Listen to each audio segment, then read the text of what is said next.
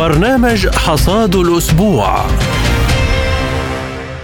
ومن سبوتنيك في موسكو نرحب بكم مستمعينا إلى حلقة اليوم من حصاد الأسبوع. معكم فيها أنا نغم كباس. وأنا محمد جمعة وإلى العناوين. الكريملين يتحدث عن خطوات مدروسة للرد الروسي على هجوم الطائرات المسيرة. دمشق وطهران توقعان ثلاث مذكرات للتعاون الاقتصادي. وزير الخارجية الأمريكي يبحث مع نظيره المصري توسيع وقف إطلاق النار في السودان. احتجاجات عيد العمال في المغرب. إسرائيل وفلسطين يتوصلان إلى هدنة.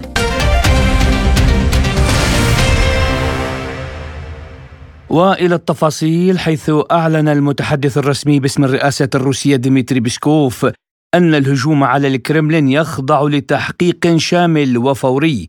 تشارك فيه مختلف الهيئات والإدارات المختصة.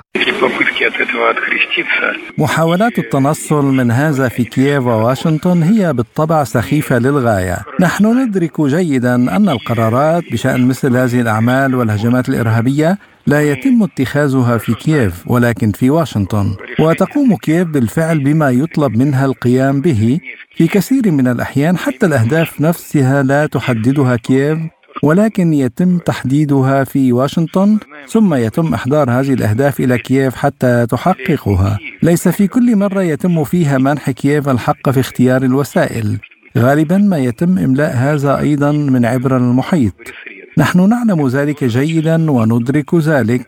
وتقسيم كل شيء إلى قسمين أو عدم تقسيمه هذا كما يشاءون ولكن يجب على واشنطن أن تفهم بوضوح أننا نعرف كل ذلك. يأتي ذلك تعليقا على إسقاط الطائرتين مسيرتين أرسلهما نظام كييف في منطقة الكريملين، الأمر الذي أدى إلى سقوط بقايا هذه الطائرات في المنطقة. وأكد الكريملين أن الهجوم على مقر إقامة الرئيس فلاديمير بوتين يعتبر عملا ارهابيا مخططا ومحاوله لاغتيال رئيس الدوله. حول هذا الموضوع قال المحلل السياسي ميخائيل سمولين لسبوتنيك Разумные люди, конечно, не будут пугаться. Они будут, конечно, проявлять бдительность. نحن نتعامل مع أشخاص يدمرون كل شيء يصلون إليه وبناء على ذلك نحتاج إلى التفكير في كيفية تعطيل هذا العدو وشل حركته قدر الإمكان من وجهة نظري يجب الرد على مثل هذه الإجراءات الخطيرة مثل محاولة مهاجمة الكرملين بضربات على المقرات الحكومية في كييف.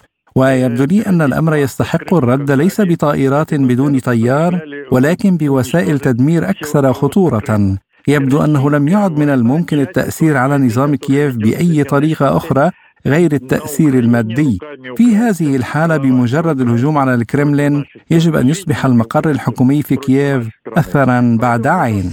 وتعليقا على هذا الهجوم قالت المتحدثة باسم البيت الأبيض إن الولايات المتحدة لا تشجع أوكرانيا على مثل هذه الأعمال. وبهذا الخصوص قال المحلل السياسي ديمتري جورافليوف Американцы в своем репертуаре, они же всегда считают, что есть два мнения, мое и глупое. الأمريكيون على عادتهم يعتقدون دائما أن هناك رأيين رأيهم الخاص ورأي آخر غير دقيق وأمريكا لم تشعر بالقلق أبدا فيما إذا كان هذا الحدث صحيحا وتم تأكيده بالحقائق من فجر التيار الشمالي؟ لقد فعلها الغربيون ولا أحد يشك في ذلك وماذا عن أسطورة نبذ الإرهاب والعلم بيد الله؟ لقد استخدمت الولايات المتحدة الإرهاب طوال القرن العشرين وما زالت تستخدمه إلى الآن ولولا تشجيع الأمريكيين لما تصرفت أوكرانيا على هذا النحو. لأن كل ما يحدث في أوكرانيا يحدث بموافقة الولايات المتحدة وبأموال أمريكية أما نحن فلن نشجعها وليتصرفوا بهذه الدنيا كيفما شاءوا.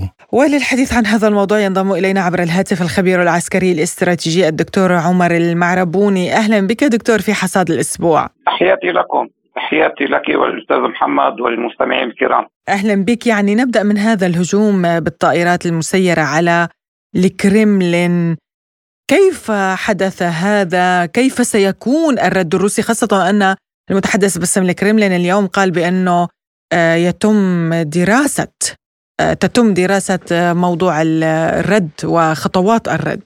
مرة ثانية تحياتي لكم المستمعين الكرام. في الحقيقة هذا الأمر يحتاج إلى إحاطة آه، واسعة إلى حد ما لأن هناك أكثر من شق في هذه المسألة. المسألة الأولى آه، هي كيفية وصول هذه المسيرات إلى آه، الكرملين. وهنا أود أن أقول يعني قاعدة ذهبية يعني في الأمن يعني كل علوم الأمن في كل الكليات الأمنية في العالم تقول أنه ليس هناك في الماء وبالتالي لا تستطيع يعني حتى أعظم الدول أن تحقق يعني امنا وقائيا يعني في هذا الجانب. في الماء، هذه المساله، المسألة الثانية أن النطاق الجغرافي الذي انطلقت منه المسيرات هو نطاق قريب يعني من الكرملين خصوصا أن هذه الأنواع من المسيرات يتم التحكم بها على مسافة لا تتجاوز 2 كيلومتر في الحد الأقصى. وبالتالي نحن أمام يعني موضوع تقني سيكشفه التحقيق. اما عما إذا كانت هذه الطائرات تم التحكم بها بواسطة مشغلين أرضيين أو بواسطة أقمار صناعية وهذا أمر يعني حطام هذه المسيرات سيكشف هذه الناحية بالتأكيد وبالتالي سيذهب بنا إلى نتائج في هذا الجانب طبعا أنا حسب ما علمت أن هناك يعني قرار اتخذ البارحة بحظر يعني آه، طيران هذه المسيرات لأنها موجودة وبكثرة آه، وبالتالي هذا ما سهل استخدام هذه المسيرات آه، في الجانب العسكري. المسألة الثانية أن يعني لا نستطيع الكلام عن هجوم مدمر يعني. المسألة كرد تقصد. يعني لا عم بحكي عن الهجوم الذي حصل على يعني له أهداف في توجيه رسائل. يعني حتى لو انفجرت هذه المسيرات على قبة الكرملين آه، ما كان ضررا كبيرا. إذا نحن أمام رسائل. آه، الرسالة الأولى هي يعني آه، لكل روسيا. وهي رسالة إعلامية بامتياز وتم استخدامها في الإعلام في إعلام الغرب الجماعي بكثرة البارحة بصراحة. وهي القول بأن روسيا ضعيفة ويمكن اختراقها آه، وبالتالي يمكن مس هيبتها بشكل أو بآخر. هذه رسالة. طبعا هذه الرسالة آه، سيتم تجاوزها ببساطة مع آه، يعني إطلاق احتفالات النصر في التاسع من أيار الحج الرسالة الثانية هي رسالة شخصية للرئيس بوتين. يعني يقولون للرئيس بوتين أنك مستهدف. نحن سنستمر يعني في هذه المحاولات. أنت آه، على قائمة الاغتيال وهذا أمر يعني كان آه، مطروحا كأحد السيناريوهات آه، في الاستخبارات الغربية وعلى رأسها الاستخبارات الأمريكية. طبعا بالتأكيد يعني نحن الآن حصل الأمر. هناك ردود فعل يعني روسية من أعلى المستويات. كان أعنفها على الإطلاق هو تصريح نائب رئيس مجلس الأمن السيد ميدفيديف وأيضا رئيس مجلس الدوما لديني ذهبا يعني نحو رفع السقف بشكل كبير. ومسألة دراسة الرد يعني حسب يعني جوابا على سؤالك المباشر مدام نعم بسكوفسك قال بأنه يتم حاليا دراسة الرد. نعم لأنه روسيا هي دولة قانون يعني وبالتالي تحويل هذه الردود الأفعال وهذه التصريحات إلى واقع تطبيقي يحتاج إلى قوننة يحتاج إلى تشريع.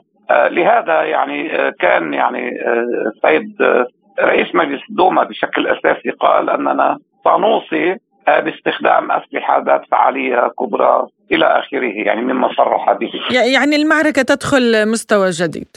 يعني لا المرحلة الحالية أنا أعتقد يعني قوننه الواقع الجديد. هلأ أين تصل الأمور باعتقادي يعني روسيا حتى اللحظة لم تعلن الحرب على أوكرانيا يعني هناك فرق كبير يعني هذه أمور يعرفها الاستراتيجيون في في فرق كبير بين الحرب والعمليات العسكرية المحدودة بأهداف محددة واضحة. روسيا حتى اللحظة تنفذ عملية عسكرية محدودة بأهداف محددة وواضحة. لكن إذا آه، ما تم رفع السقف أعتقد أنه سيتم رفعه بشكل تدريجي وليس بشكل آه، كلي. طبعا يعني هناك آه، مسائل سقطت ذهبت إلى غير رجعة مسألة التفاوض مع نظام زيلينسكي مسألة التعهدات التي تعهدت بها القيادة الروسية آه، بعدم المس بزيلينسكي على المستوى الشخصي والجسدي هذا أصبح وراءنا يعني الآن آه، أعتقد أن زيلينسكي سيتابع عمله كفار من القانون آه، ويختبئ من مكان إلى مكان. هذا أمر مؤكد بالتأكيد لأن التهديدات الروسية واضحة في هذا الصدد ولا يمكن لهذه لأحد أن يسقط هذه التهديدات آه، وخصوصا أن المسألة تتعلق برئيس الدولة. هلا قد يتساءل البعض يعني كيف يمكن لهذه المسيرات أن تؤثر أو أن تغتال آه، الرئيس فلاديمير بوتين؟ وحتى أن تصل إلى الكريملين دكتور يعني هنا روسيا نتحدث عن نظام دفاعي جوي كبير وضخم في العالم لتأتي طائرة مسيرة وتصل إلى الكريملين وأيضا يعني لم تصل روسيا إلى مقر زيلينسكي ولكن زيلينسكي وصل إلى مقر بوتين؟ أنا ممنونك كثير لأنه هذا السؤال متداول كثير إنه عم اليوم إنه روسيا الدولة العظمى ثاني أكبر جيش في العالم كيف استطاعت هذه المسيرات؟ أنا في المقدمة ذكرت أن آه، هذه الأنواع من المسيرات يعني تسير بمسافة 2 كيلومتر في الحد الأقصى. يعني المسيرات لم تأتي من الأراضي الأوكرانية وتخترق الدفاعات الجوية والرادارات. انطلقت يعني قريبا من موسكو يعني في حدود واحد إلى واحد فاصل خمسة كيلومتر لا أكثر يعني من مكان وصولها. وبالتالي آه، أنت آه، تعيشين في موسكو. الاستاذ محمد يعيش في موسكو. الكريملين بالقرب مننا جنب المكتب. نعم نعم. يعني آه، موسكو تعيش بالطائرات المسيرة. موسكو مدينة مفتوحة ليست مدينة مغلقة. يعني فيها الكثير يعني من الحريات التي تمارس على المستوى الشخصي الهوايات إلى آخره. وبالتالي لم يكن صعبا يعني على يعني الاستخبارات الأوكرانية ومن ورائها الاستخبارات التابعه للغرب الجماعي أن تستعين بطائرتين مسيرتين يمكن شرائهما من أي متجر.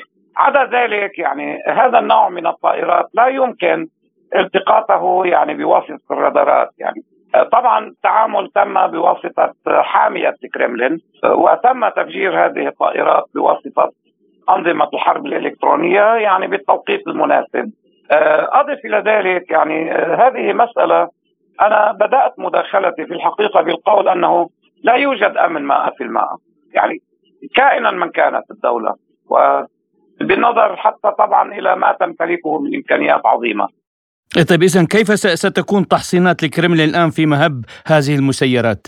لا هناك تدبير وحيد. يعني في مواجهة هذه المسيرات آه، هو تدبير وحيد لا غير. هو منع تحليق هذه المسيرات. أقله على آه، يعني قطر 3 إلى 4 كيلومتر من الكرملين أو من المناطق الحساسة كوزارة الدفاع الاستخبارات المراكز الأخرى. وبالتالي هذا إجراء يعني يمكن أن يدرج ضمن حالة طوارئ آه، محددة أو ضمن إجراء طارئ محدد. أما بالنسبة للمسيرات الكبيرة هلا طبعا يعني أخذنا موسكو موسكو يعني فيها كما ذكرت يعني أكبر منظومة دفاع جوي في العالم.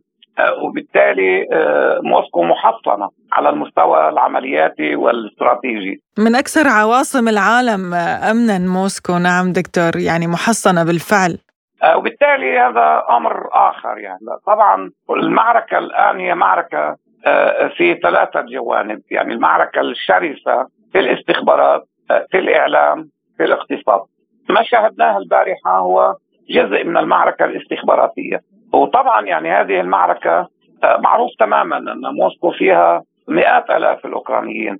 حتى فيها روس يمكنهم أن يتعاملوا مع الغرب الجماعي. مؤيدي الرئيس فلاديمير بوتين آه، ليسوا كل الشعب الروسي. يعني هذه الحقائق يعرفها طبعا بكل تأكيد آخر إحصائية أثبت آه، أظهرت أنه 80% من الشعب الروسي يؤيد الرئيس بوتين 20% لا. يعني آخر عملية تفجير حصلت مع الصحافي نفذتها نعم نفذتها فتاة روسية هيك يعني مما يسميه ممن يسميه الغرب الجماعي المعارضة الروسية إذا يعني هذه مسألة يجب أن نتعاطى فيها بموضوعية. طيب دكتور عمر لو انتقلنا إلى موقف المجتمع الدولي مثلا هل سيقبل بفرض عقوبات على أوكرانيا؟ لأن الولايات المتحدة قالت إنها لم تشجع أوكرانيا على ضرب الأراضي الروسية.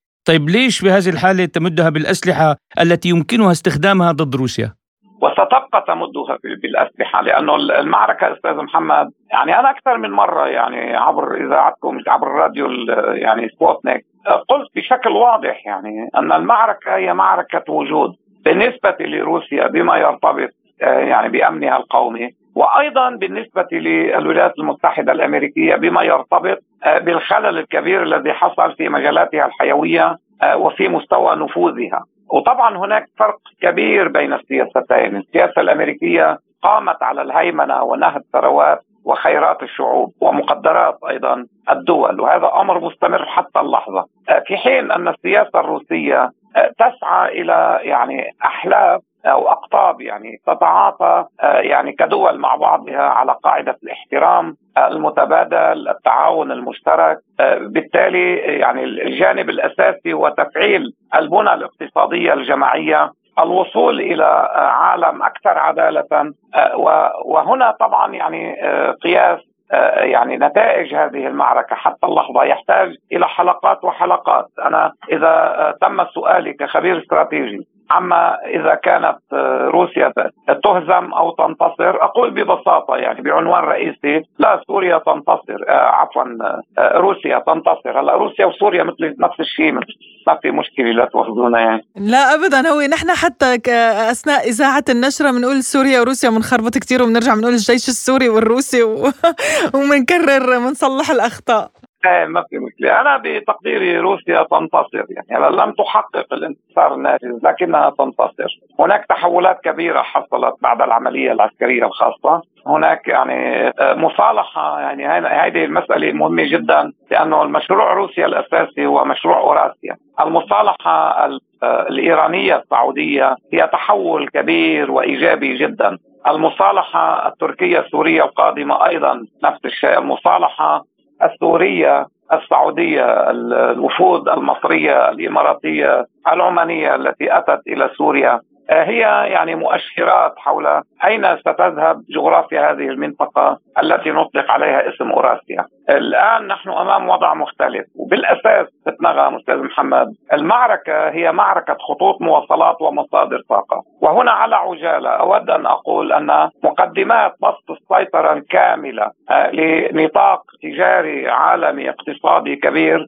تم الآن في آه، نطاق أوراسيا.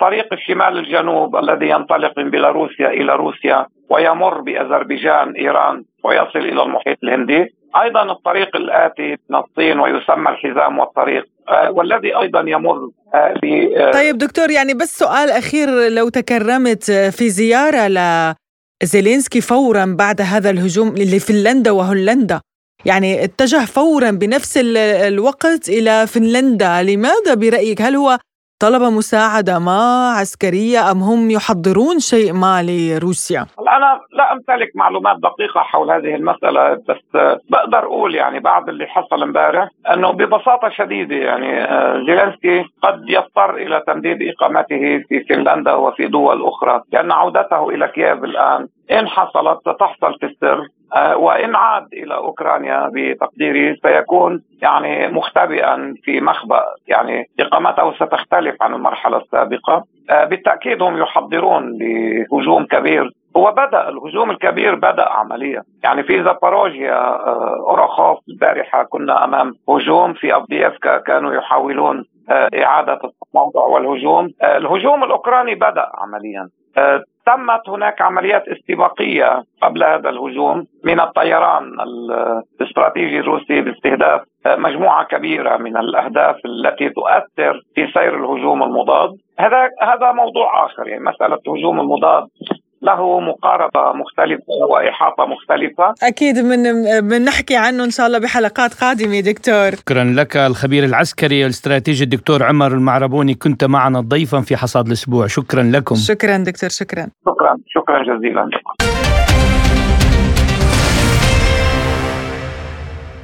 وإلى سوريا حيث وقع الرئيس السوري بشار الأسد ونظيره الإيراني إبراهيم رئيسي على مذكرة تفاهم لخطة التعاون الشامل الاستراتيجي الطويل الأمد بين البلدين.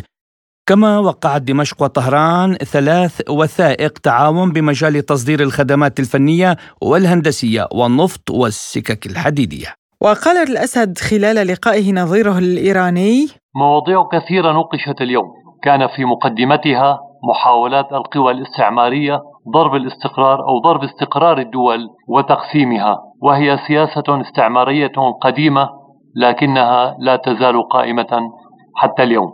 والوسيلة الأجدى لمواجهتها هي في استغلال الفرص الإيجابية الراهنة والمتمثلة في تحسن العلاقات بين عدد من دول منطقتنا بعد عقود من التوتر. منطلقين من بديهة أن دول وشعوب المنطقة تربح سوية أو تخسر سوية.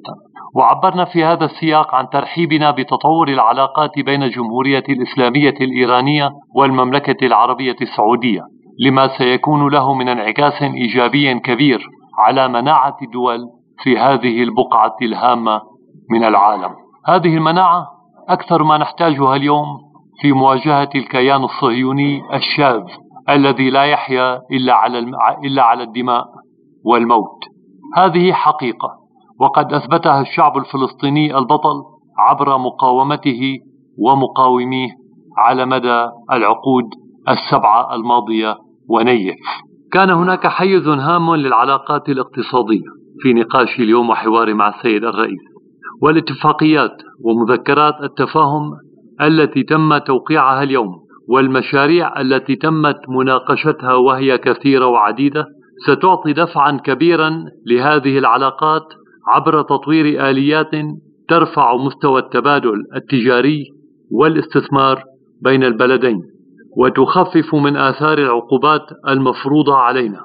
مستفيدين من تغير الخارطة الاقتصادية للعالم وانتقال التوازن تدريجيا باتجاه الشرق والذي من شأنه أن يحرر الاقتصادات الدولية من هيمنة الغرب ويفقد الحصار مفاعيله تدريجيا. كما أكدنا على حق إيران في امتلاك الطاقة النووية السلمية كمصدر للطاقة وكمسار للتطور العلمي وكأداة للازدهار الوطني. حول زيارة رئيس إلى سوريا تحدث لسبوتنيك الخبير بالشأن الإيراني حسن خانزادة تشير زيارة الرئيس الإيراني رئيسي إلى دمشق بعد انقطاع دام 13 عاما إلى خروج إيران من الأزمة وعودتها إلى دورها السابق في الشؤون الدولية والإقليمية. هذه الزيارة مهمة من عدة وجهات نظر. أتاح التنسيق بين إيران وروسيا وسوريا التصدي بنجاح لآلاف الإرهابيين والمرتزقة المدربين. لقد تم تحييدهم بالفعل وهذه إشارة للغرب بأن سياسة استخدام الإرهابيين والمتطرفين في المنطقة عديمة الجدوى ومحكوم عليها بالفشل. على مدى السنوات الثلاثة عشر الماضية أرسلت الولايات المتحدة والدول الأوروبية أكثر من 150 ألف مرتزق إلى سوريا مما أدى إلى مقتل حوالي 700 ألف شخص من السكان المدنيين في هذا البلد. وبحسب بعض التقديرات أنفق الغرب نحو 650 مليار دولار لهذه الأغراض.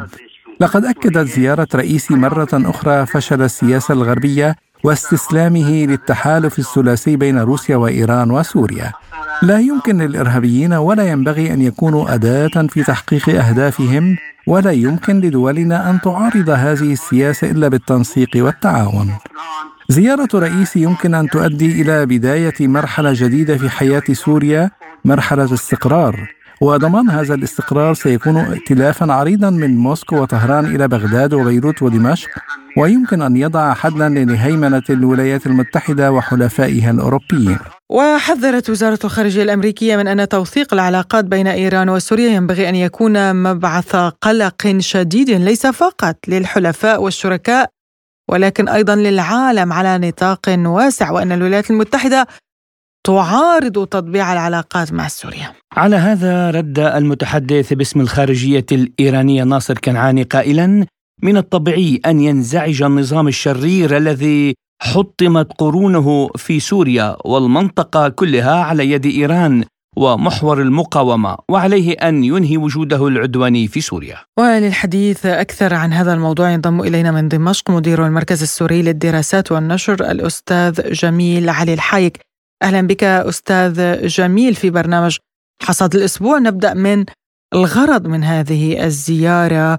هل جاءت تمهيدا لإعادة الإعمار وأخيرا يعني آه، لسوريا وكسر الحصار عنها أو أن هناك دلالات وأبعاد أخرى؟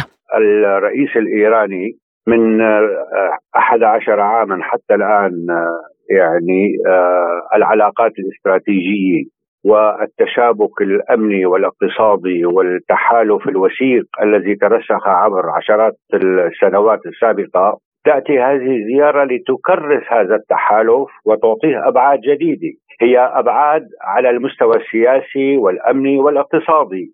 من يتابع الوفد المرافق من يدقق بالشخصيات التي ترافق الرئيس الإيراني يدرك مدى التعويل على أهمية هذه الزيارة وخصوصا أن البيان المشترك والاتفاقيات المشتركة التي تم التوقيع عليها تم التوقيع على 35 اتفاقية تشمل كافة مناحي الحياة العمران والاقتصاد والتجارة والاستثمار في الموانئ وخط الحديد الذي يمتد من شلبجة في إيران. وحتى ميناء اللاذقيه، اذا هي زيارة ذات أبعاد سياسيه واقتصاديه وامنيه. الاستقبال الشعبي والحفاوة البالغة التي قوبل بها الرئيس الإيراني تدل على عمق وترسيخ الصداقة بين الشعبين الإيراني والشعب العربي السوري. الاتفاقية الاستراتيجية الشاملة بعيدة المدى يعني الطويلة الأجل كما تم التعبير عنه في البيان كمان تعطينا انطباعات بأن آه، التحالف الاستراتيجي يشمل آه، ليس فقط القضايا الاقتصادية وإنما دور سوريا في الإقليم الذي سوف يعود كما كان سابقا. ونرى ونتابع ونشاهد ونتلمس ونراقب عن كسب الزحف الذي بدأت بعض الأنظمة العربية تراجع حساباتها وتعيد علاقاتها بشكل فردي الآن مع القيادة السورية ومع الشعب السوري مع إذا أخذنا أيضا بالاعتبار ما حدث في عمان منذ أيام قليلة هذا الاجتماع الموسع الذي كان أقرب ما يكون إلى وجهة النظر السورية عندما كانت سوريا تقاتل وحدها الإرهاب وداعمي هذا الإرهاب وخططهم التي كانت تشمل تفتيت الشرق الأوسط إلى مجموعة من الكيانات في هذه الفترة التاريخية العصيبة التي مرت بها سوريا كانت إيران الصديق الوفي والصديق الصدوق للشعب السوري وللقيادة السورية. طيب أستاذ جميل يعني هل هذه الزيارة برأيك هي رسالة إيرانية سورية لتأكيد التحالف الاستراتيجي بين البلدين أم رسالة إيرانية فقط لتأكيد استمرارية الوجود الإيراني في سوريا؟ العلاقات التي تنشأ بين الدول هي أحد جوانبها الظاهرية الخارجية هي الرسائل أو ما يمكن أن نسميه بالرسائل، لكن الأهم في الموضوع هو تعميق هذه العلاقة التاريخية. صحيح أن الرسالة تعطي رسائل للإقليم للدول في المنطقة للولايات المتحدة الأمريكية التي تمارس العدوان على شعوب هذه المنطقة التي تمارس الفتن و آه، آه، يعني استباحة الأنظمة والدول وخرق المواثيق والقوانين الدولية. صحيح هذا الكلام. العربدة الإسرائيلية التي تمارس الآن في منطقة الشرق المتوسط وخصوصا في سوريا هي صحيح تعطي رسائل بهذا الاتجاه لكن ما هو أهم من الرسائل هو مدى التشبيك الذي يمكن أن يبدأ أو بالأحرى الكلمة الأصح أن يتصاعد ويتمتن ويترسخ على مدى المستقبل على في المدى المنظور وفي المدى البعيد المدى ما بين الدولة دولة إيران الشقيقة وما بين الجمهورية العربية السورية. يعني طبعا الوجود الإيراني كما نعلم أستاذ جميل أنه كان نقطة خلاف الوجود الإيراني في سوريا أقصد كان نقطة خلاف بالنسبة لبعض الدول العربية، اليوم هناك توافق بين إيران والسعودية بدء عودة سوريا إلى محيطها العربي، كيف سيكون برأيك الدور الإيراني هنا؟ الاتفاق التاريخي الذي حصل في الصين وبرعاية المستوى الأعلى في الصين آه، وهو الرئيس الصيني ما بين ما يمكن أن نصطلح على تسميته بالخصمين اللدودين المملكة العربية السعودية والجمهورية الإسلامية الإيرانية. هذا الصراع وهذا الخلاف وهذا يعني الاحتدام في المواقف السياسية والعسكرية والأمنية كان يترك انطباعات وكان يترك آثاره على بقية الأطراف التي جمعتها الجغرافيا وجمعها التاريخ في منطقة الشرق الأوسط. بكل تأكيد هذا الاتفاق سيكون له الآثار العكسية على مختلف الملفات الموجودة في المنطقة وهنا يبرز الدور الإيراني أن الإيران أو القيادة الإيرانية كانت دائما تمارس الحكمة والاستيعاب والاحتواء تجاه ما يبدر من المملكة العربية السعودية وغيرها من دول الخليج من مواقف عدائية، من مواقف متشنجة، من مواقف تصب في مصلحة إسرائيل وفي مصلحة الولايات المتحدة الأمريكية، وكانت دائما آه، تمارس الحكمة في هذا الموضوع بحيث لا ينصرف جهد إيران إلى صراع ثانوي وجانبي كما كانت تريد له وتخطط له وتتمناه الولايات المتحدة الأمريكية وإسرائيل في المنطقة. اليوم سينصرف الجهد الإيراني إلى توثيق غرى الصداقه والسلام والأمان ضمن المشروع الذي آه، طرحته إيران منذ عدة سنوات أن أمن المنطقة يجب أن يكون بأيدي شعوب المنطقة وقادة دول المنطقة وليس من خلال الاحتماء بالمظلة الأمريكية أو بغيرها من المظلات الطارئة والعدوانية والتي لا تريد الخير ولا السلام ولا الأمان ولا التنمية لشعوب المنطقة. أستاذ جميل، كيف سيكون رد فعل الغرب الذي لا يزال يفرض العقوبات بانتظام ضد دمشق وطهران؟ الغرب اليوم يعاني من عدة من المشاكل وعدة من ال و و والعديد من الانقسامات. نلاحظ ونتابع أيضا آه، محاولة التملص الأوروبي من الهيمنة الأمريكية وهناك مجموعة من التصريحات التي يخرج بها قادة الدول الغربية وعلى رأسهم ماكرون عندما كان في زيارة إلى الصين. وقرأنا تصريحاته واستمعنا إليها جيدا أن آه، على أوروبا أن تخرج من المظلة الأمريكية وأن تبحث عن مصالحها الاستراتيجية والمستقبلية.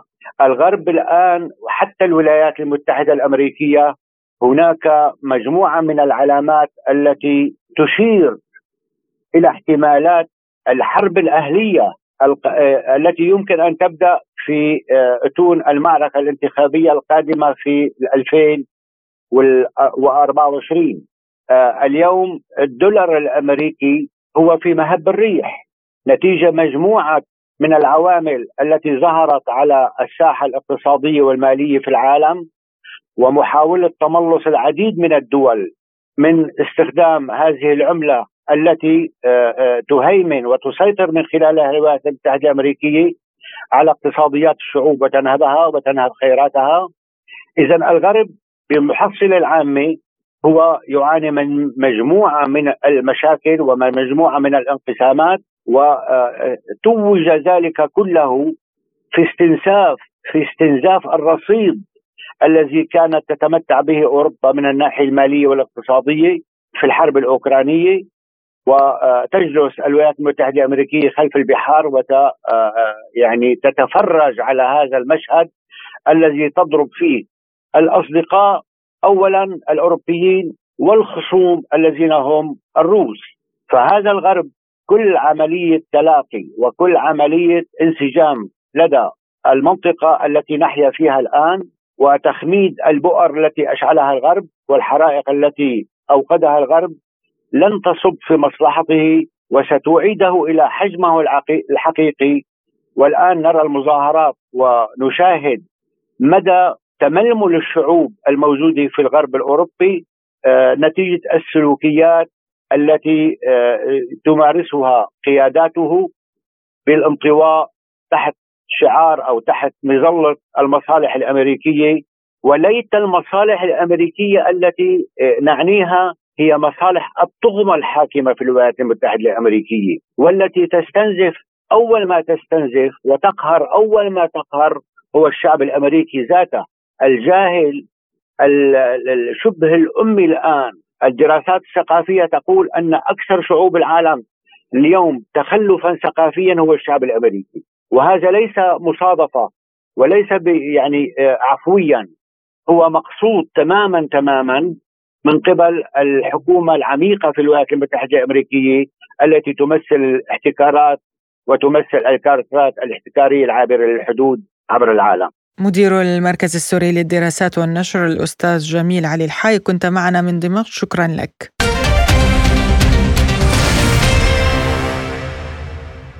وإلى السودان حيث تتعالى الأصوات المحذرة من الصراع هناك يوما بعد يوم في ظل انسداد أفق الحل بالنظر إلى تمسك طرفي الصراع بمواقفهما المدعومة بقدرات عسكرية من جهة وعلاقات إقليمية ودولية من جهة أخرى. وحذر برنامج الأغذية العالمي من أن العنف الدائر في السودان يمكن أن يسبب أزمة إنسانية في كامل منطقة شرق أفريقيا فيما أعلنت الأمم المتحدة أن أمينها العام قرر إرسال منسق الشؤون الإنسانية مارتن جريفيث فورا إلى المنطقة في ضوء تدهور الأوضاع في السودان. كما أعلنت قوات الدعم السريع تمديد الهدنة الإنسانية استجابة لما وصفتها بنداءات دولية وإقليمية ومحلية بهدف فتح الممرات الإنسانية وتسهيل حركة المواطنين والمقيمين وتمكينهم من قضاء احتياجاتهم والوصول إلى مناطق آمنة. حول هذا الموضوع قال لسبوتنيك الخبير في إدارة الأزمات والتفاوض في مركز البحوث الاستراتيجية الدكتور أمين إسماعيل آه الآن القوات المسلحة بتقوم بعمليات تمشيط وعمليات تطهير لمناطق العاصمة المختلفة. آه هدأت الاشتباكات بنسبة كبيرة جدا تتعدى نسبة ال 60% والكفه تميل الآن إلى القوات المسلحة. القوات المتمردة الآن في أضعف حالاتها وأصبحت مجموعات آه، منتشرة آه، في المناطق السكنية.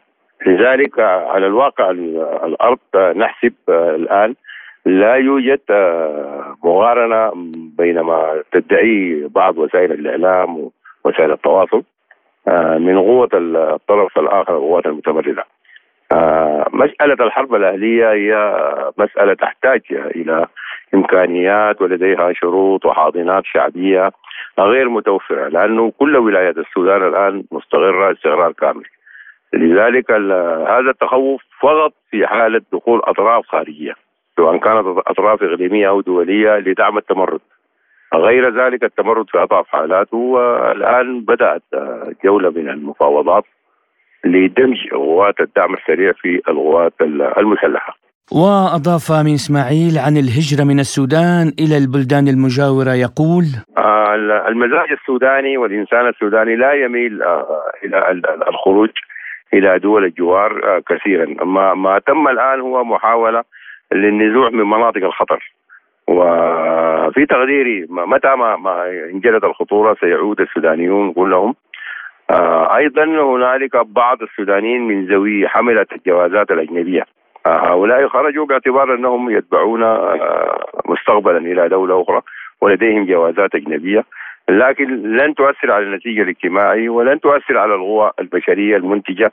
آه، والعودة مرهونه فقط بتحقيق السلام وبسط آه، الأمن في المناطق داخل العاصمة أو المحيطه بالعاصمة. كان هذا تعليق خبير إدارة الأزمات والتفاوض في مركز البحوث الاستراتيجية الدكتور أمين إسماعيل. وفي سياق متصل بحث وزير الخارجية الأمريكي مع نظيره المصري توسيع وقف إطلاق النار في السودان. عن هذا الموضوع وعن دور مصر في هذه الهدنة تحدث لسبوتنيك من الخرطوم المحلل السياسي الأستاذ طلال طه سليمان. إذا نظرنا للمشكلة السوداني السوداني أو الصراع بين الجنرالين المتحالفين اللي كانوا متحالفين والآن أصبحوا أعداء فنرى إنه كل جانب بيحاول الآن إيصاء يعني تطويل أمد المعركة حتى يحقق نصر يجعله في موقف أفضل آه، عند الجلوس للتفاوض. بما يعني أن كلا الجانبين الآن لا يبدي استعداد حقيقي للجلوس لطاوله المفاوضات. على الرغم من التصريحات اللي بتصهر في الإعلام وانهم يعني مستعدين للتفاوض وإن الهدنة يتم تمديدها والآن نسمع كلام عن الهدنة يتم تمديدها لسبعة أيام لكن لا لنا أي إرادة حقيقية للجلوس للتفاوض. وهنا يمكن النظر إلى الدور المصري والدور الامريكي معروف أن مصر لها أدوار كبيرة في السودان ولها علاقات قوية خاصة مع الجانب الجيش للعلاقات الممتدة بين مصر والسودان و وعلاقات الجيش المصري بالجيش السوداني فضلا عن ذلك بالتأكيد الخارجية الأمريكية أو الإدارة الأمريكية لها القدرة ولها الإمكانية في الضغط على الجانبين. يمكن أن نقرأ آه، التدخل المصري من جانب آخر بأن مصر يمكنها أن تستخدم علاقاتها مع الجيش في إقناع قاده الجيش بالجلوس إلى طاولة المفاوضات. من الجانب الآخر يمكن أن نقرأ التنسيق المصري الأمريكي للضغط على حميدتي للجلوس إلى طاولة المفاوضات. لكن هذا لن يؤتي أي نتائج حقيقية ما لم يكن هناك إرادة حقيقية من الطرفين المتحاربين. وعن الإجراءات التي ستتخذها الدول المجاورة للسودان قال سليمان لابد لها أن تتخذ إجراءات في المقام الأول ك... كإجراء إنساني. يعني نشكر الجانب المصري ونشكر الدولة المصرية أنها فتحت حدودها وسمحت بدخول آه، الهاربين من الحروب. لا يمكن أن نسميهم حتى الآن لاجئين لكن هناك تسهيلات كبيرة من الجانب المصري. هناك تسهيلات كبيرة من دولة تشاد التي استقبلت موجات من اللاجئين. ليست كبيرة حتى الآن لكن أبدت حسن النية وأبدت آه، استعدادها في مساعدة اللاجئين. وكذلك إثيوبيا وكذلك المملكة العربية السعودية التي ساهمت كثيرا في إجلاء آه، العالقين.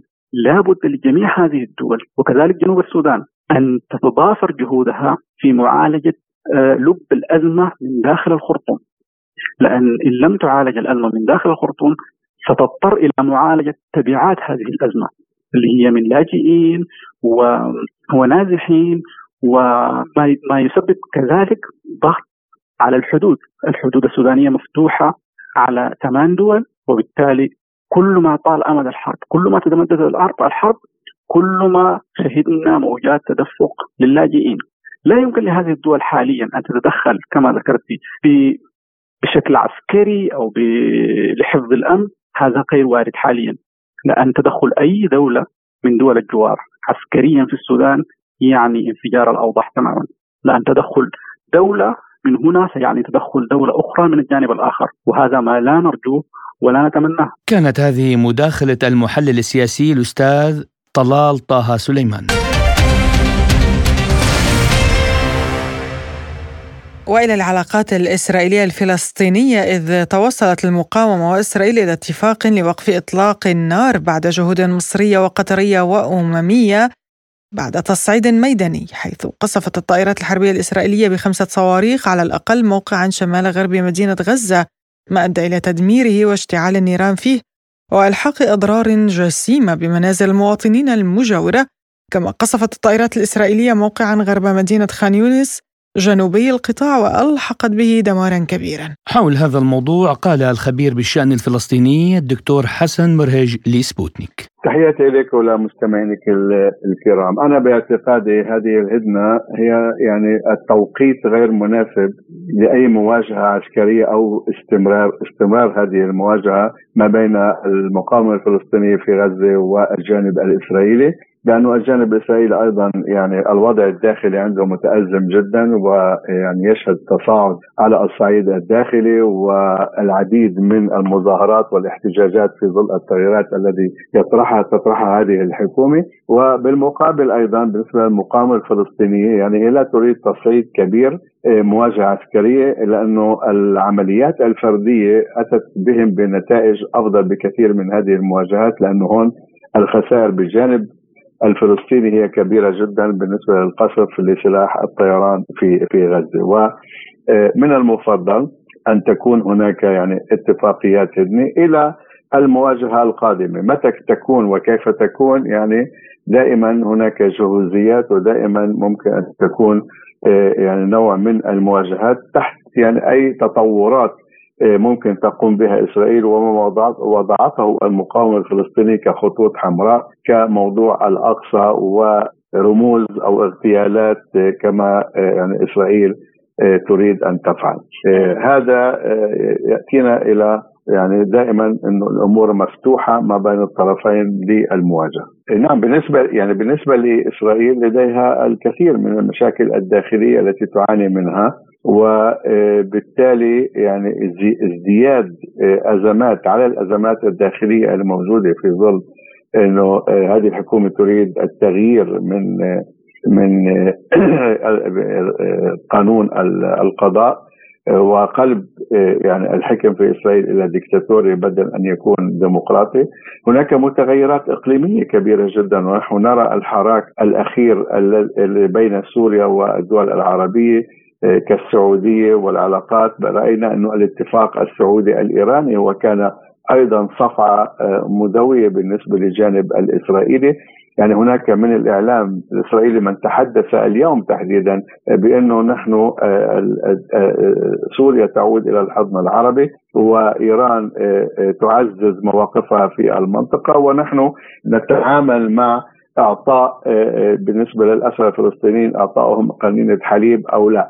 يعني إلى هذه الدرجة هذا. فمن المسؤول عن المواجهة والخطر الإقليمي على إسرائيل مقابل إنه نحن آه، نهتم في أمور آه، تافهة في الداخل.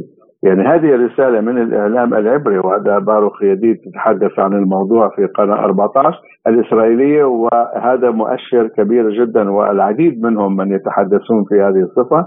ف آه، والزيادة عندما يعني المواجهة نعرف نحن من المقاومة الفلسطينية على جنوب إسرائيل يعني أكثر من 400 ألف إسرائيلي سوف يكون بالملاجئ ولا يذهب للعمل.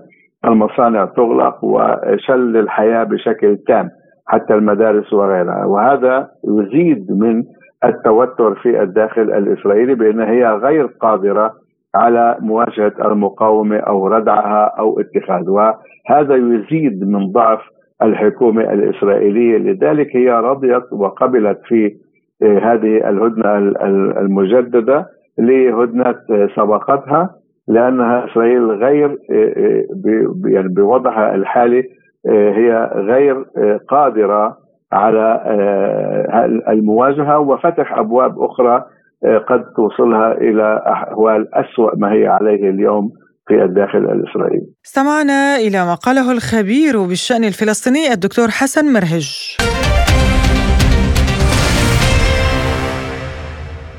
وإلى لبنان حيث سجلت أعلى نسبة تضخم في أسعار الغذاء ضمن الترتيب العالمي بنسبة بلغت 261% كنسبة تغير سنوية للفترة الممتدة بين نهاية فبراير 2022 وحتى نهاية فبراير 2023 وحسب تقرير البنك الدولي فإن نسبة تضخم أسعار الغذاء لا تزال مرتفعة حول العالم. حول هذا الموضوع قال الخبير المالي والاقتصادي والأستاذ الجامعي محمد موسى لسبوتنيك. بالحقيقة نحن أمام واقع متدحرج ككرة الثلج التي تكبر يوما بعد يوم. إن لجهة التضخم المربوط تلقائيا بهذه النسب نتيجة انهيار العملة اللبنانية التي انهارت ما يقارب ال 97% آخذة معها القدرة الشرائية ضاربة عرض الحائط كل المعايير الاقتصادية والمالية وفي التحكم بالاقتصاد اللبناني وسلعه وبالتالي أصبح الاقتصاد اللبناني مشرعا لهذه الأزمات.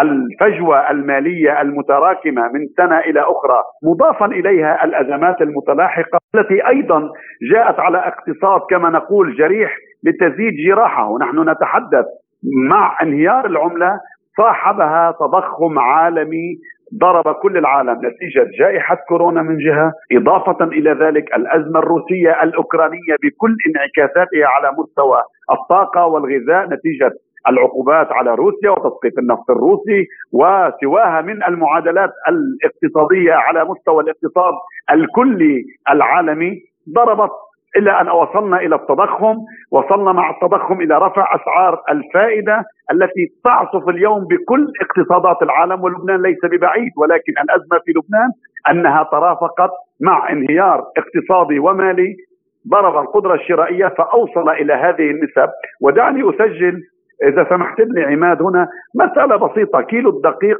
كان حقه 750 آه، ليرة لبنانية. أي انذاك كان نصف دولار. اليوم هو ب 70 سنت ولكن ال 70 سنت أصبحت 75 ألف ليرة لبنانية وبالتالي تضاعف آلاف المرات. يعني بحسب الإحصاء المركزي في لبنان هناك سلع غذائية تضاعفت 6000 مرة. على سبيل المثال للحصر تنكة البنزين. التي كانت صفيحة البنزين التي كانت تقوم بحوالي 24 ألف هي بحوالي 2 مليون ليرة. فعليا إذا قومناها بسعر الدولار الارتفاع طفيف 20 إلى 15 إلى 30% عالميا ولكن بسبب انهيار العملة تجد الفارق من 24 ألف إلى 2 مليون وفي ذلك طامة كبرى. وحول إمكانية أن يؤدي هذا إلى الانهيار النهائي للاقتصاد اللبناني أضاف موسى الحقيقة أبدأ بأمر إيجابي لأقول أعلل النفس بالآمال أرقبها ما أضيق العيش لولا فسحة الأمل. الشعب اللبناني كله لا زال يرتقب منذ العام 2019 بلورة خطة تعافي حقيقية هيكلة المصارف إقرار capital control إقرار برنامج واتفاق حقيقي كل هذا للأسف لم يجري حتى أصبح لبنان واللبنانيين للأسف مع احترام يقارن بدول كان بعيد عنها بعد السماء أصبح لبنان يتفوق على زيمبابوي وربما آه، آه، أصبح في مصافي الديون مع فنزويلا. كل يوم نسمع مصطلح جديد في لبنان صوملة لبنان بغددة لبنان زيمبابوي لبنان مؤخرا وبالتالي للأسف هذه التجارب نتيجة إمعان السلطة السياسية والمالية في عدم إقرار الخطط اللازمة مضي بالاصلاحات السياسية التي كلنا يدرك ان هي المفتاح بالمعنى الاقتصادي، الاقتصاد اللبناني مرتبط شئنا أو أبينا بالعامل السياسي، للأسف نحن في بلاد الشهر السادس لم نستطيع انتخاب رئيس للجمهورية وبالتالي نحن بحكومة تصريف أعمال تعمل بالحد الأدنى ولا تستطيع أن تجتمع إلا بألف يا ويلاه. إضافة إلى مجلس نيابي شبه لا ينعقد بسبب الاختلاف بالنظرة إلى المادة 74 هل هو هيئة ناخبة؟ هل هو هيئة تشريعية اليوم لانتخاب رئيس الجمهورية؟ وبالتالي هذا الفراغ وهذا الشلل بالقطاعات السياسية انعكس على الاقتصاد.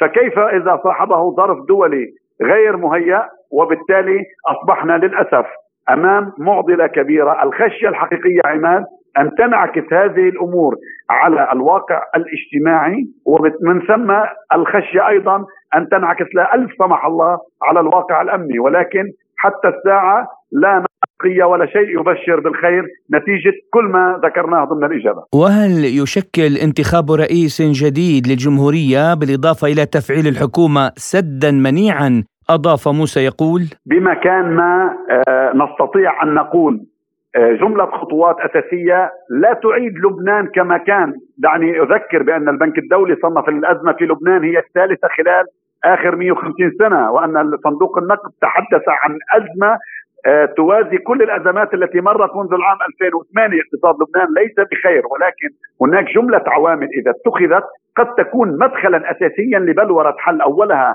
بالمعنى السياسي انتخاب رئيس حقيقي إصلاحي لديه انفتاح عربيه ودوليه وقبول بالداخل إضافة إلى ذلك يكون ينبثق عن ذلك حكومة حقيقية فاعلة قادرة وجوه من رئيسها وصولا إلى الأعضاء فيها أكفاء أصحاب كف نظيفة لديهم الخبرة العلمية الكافية والقدرة على التواصل مع المجتمع الدولي.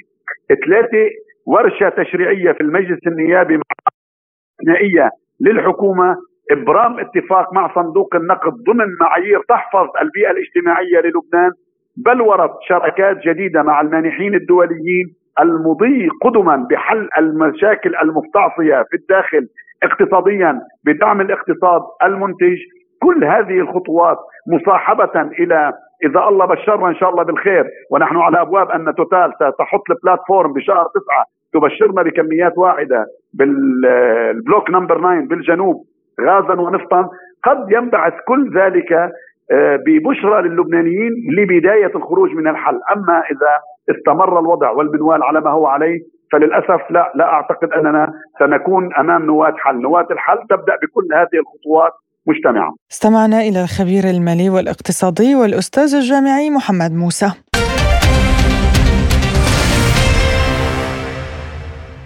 وإلى المغرب حيث نظمت مسيرات من قبل المنظمات النقابية الرئيسية في البلاد تطالب برفع الأجور.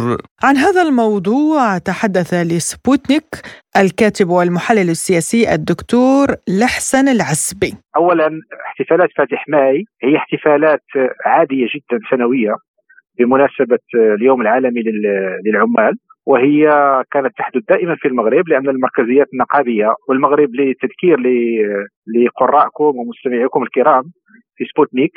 المغرب له تقاليد راسخة وقديمة جدا في الاحتفال بفاتح ماي، لماذا؟ لأن المغرب آه، هو من البلدان العربية إن لم يكن من البلد العربي الوحيد تاريخيا الذي كانت فيه دائما تعددية سياسية تعدد ديال الأحزاب. ومنذ استقلاله سنة 1956 وتعدديه نقابية بحيث هناك ثلاث مركزيات قوية جدا في المغرب. أولها هي الاتحاد المغربي للشغل لأن أقدمها. ثم الكونفدرالية الديمقراطية للشغل آه، التي تأسست في 1979 78 79 وهي تنتمي إلى اليسار. ثم فيما بعد النقابه نقابة الاتحاد الوطني للعمال اللي هي نقابة إسلامية وهي أضعفهم. وهذه من المفارقات في المغرب بحيث أن النقابات القوية في المغرب هي دائما النقابات اليساريه فبالتالي الحركة النقابية قديمة في المغرب ليست حديثة. والاحتفال بفاتح ماي بفاتح آيار كما تقولون في المشرق هو احتفالات عادية جدا تمر كل سنة. أما بخصوص الاحتجاجات ما ترمي إليه في سؤالك ربما بخصوص الاحتجاجات في المغرب المغرب أو المغاربة لهم تقاليد في الاحتجاجات بحيث هي احتجاجات خارج فاتح ماي. آه، هناك احتجاجات أحيانا تكون ذات صبغة وطنية بحيث أنها تحدث بنسب كبيرة تصل حتى إلى مليون متظاهر. مثل ما كانت تحدث في الرباط والدار البيضاء آه، لأسباب إما داخلية أو خارجية يعني تضامن مع القضية الفلسطينية أو آه، تضامن مع العراق أو تضامن مع الاحتجاج ضد ضد إحراق المصاحف القرآن في بعض الدول آه، إلى آخره. وهناك احتجاجات اجتماعية. احتجاجات اجتماعيه هي في المغرب عادية ودورية دائما. وعما إذا كانت هذه الاحتجاجات قد تشير إلى تدهور معين للوضع الاقتصادي هل ستستجيب السلطات لنداءات المطالبين؟ قال لحسن. الوضع الاقتصادي في المغرب هو جزء من الوضع الاقتصادي العالمي اليوم. آه، حرب أوكرانيا آه، بما بما حدثته من أزمة في الاقتصاد العالمي أثرت أكيد على آه، حتى الاقتصاد الوطني المغربي، الاقتصاد المغربي وللأسف أن هذه الحرب جاءت مباشرة من بعد أزمة كورونا، أزمة كورونا كانت لها انعكاسات قوية في الاقتصادات العالمية. وضمنها الاقتصاد المغربي. قراءة الواقع بدون الصفات لا مع الحكومة ولا المحتجين آه، تفرض آه، قراءة منصفة، القراءة المنصفة تؤكد على أن هناك فعلا قلق في المستوى الاجتماعي بحيث هناك ارتفاع آه، سجل خلال الشهور الأخيرة لبعض المواد الأساسية بالخصوص المرتبطة بالاستهلاك اليومي مثل الخضر الأساسية واللحوم والبنزين وهناك آه، يعني ليس تدني للأجور ولكن عدم الزيادة في الأجور على الأقل هذه عشر سنوات في المغرب، فبالتالي المطالب الاجتماعية اليوم هي مزدوجة في المغرب من ناحية تطالب النقابات عبر تطالب هذه الاحتجاجات عبر النقابات بالزيادة في الأجور تحسين الأجور وفي نفس الوقت تطالب بتخفيض كلفة المعيشة، كلفة المعيشة على مستوى المواد الاستهلاكية اليومية. آه هذه الاحتجاجات بطبيعة الحال آه سجلت في المغرب خلال الشهر الأخير ما قبل رمضان وحتى أثناء شهر رمضان قبل فاتح ماي واعطت بعض النتائج، أول هذه النتائج هو آه اجتماع حكومي آه، على أعلى مستوى خاص بمناقشه هذه الأزمة وإيجاد الحلول. الجميل أن بفضل هذه الاحتجاجات التي وقعت في مدن مغربية بالخصوص في الدار البيضاء وفي مراكش وفي الشمال وبعض مدن الشمال آه، وفي فاس أن الحكومة آه، اتخذت إجراءات للضغط على آه، موردي آه، هذه المواد الاستهلاكيه الأساسية واليومية بالخصوص الخضر فعادت إلى اثمنتها القديمة. يعني صراحة مثلا اعطيك مثال البصل كان بلغ إلى 17 درهم في المغرب. بعد تلك الاحتجاجات نزل إلى 7 دراهم يعني نقص ب 10 دراهم. مثلا الطماطم كانت وصلت إلى 18 درهم. الآن أصبحت بستة دراهم سبعة دراهم. وهكذا اللحوم كانت وصلت إلى 120 درهم للكيلوغرام. الآن نزلت إلى 80 درهم. وهكذا. البنزين كان بلغ في مرحلة من المراحل إلى 17 درهم للتر الآن نزل إلى 11 درهم للتر فبالتالي هذه الاحتجاجات كان معها تجاوب وأبانت على أنه هناك آلية للضغط اجتماعية وهي فعالة ومنظمة وسلمية وهذا هو المهم أن السلطات تؤطرها بما يفرضها عليها القانون بدون آه، قمع وبدون اعتداء. وأن السلطات الحكومية تتجاوب لأنها تدرك أن هناك يوم الحساب الانتخابي قادم، فبالتالي هذه كله يترجم على أن هناك آلية ديمقراطية شغالة وأن هناك تدافع اجتماعي وسياسي آه، شغال سلمي وهذا هو المطلوب في رأيي. وإلى هنا نهاية هذه الحلقة كنت معكم أنا محمد جمعة وأنا نغم كباس إلى اللقاء.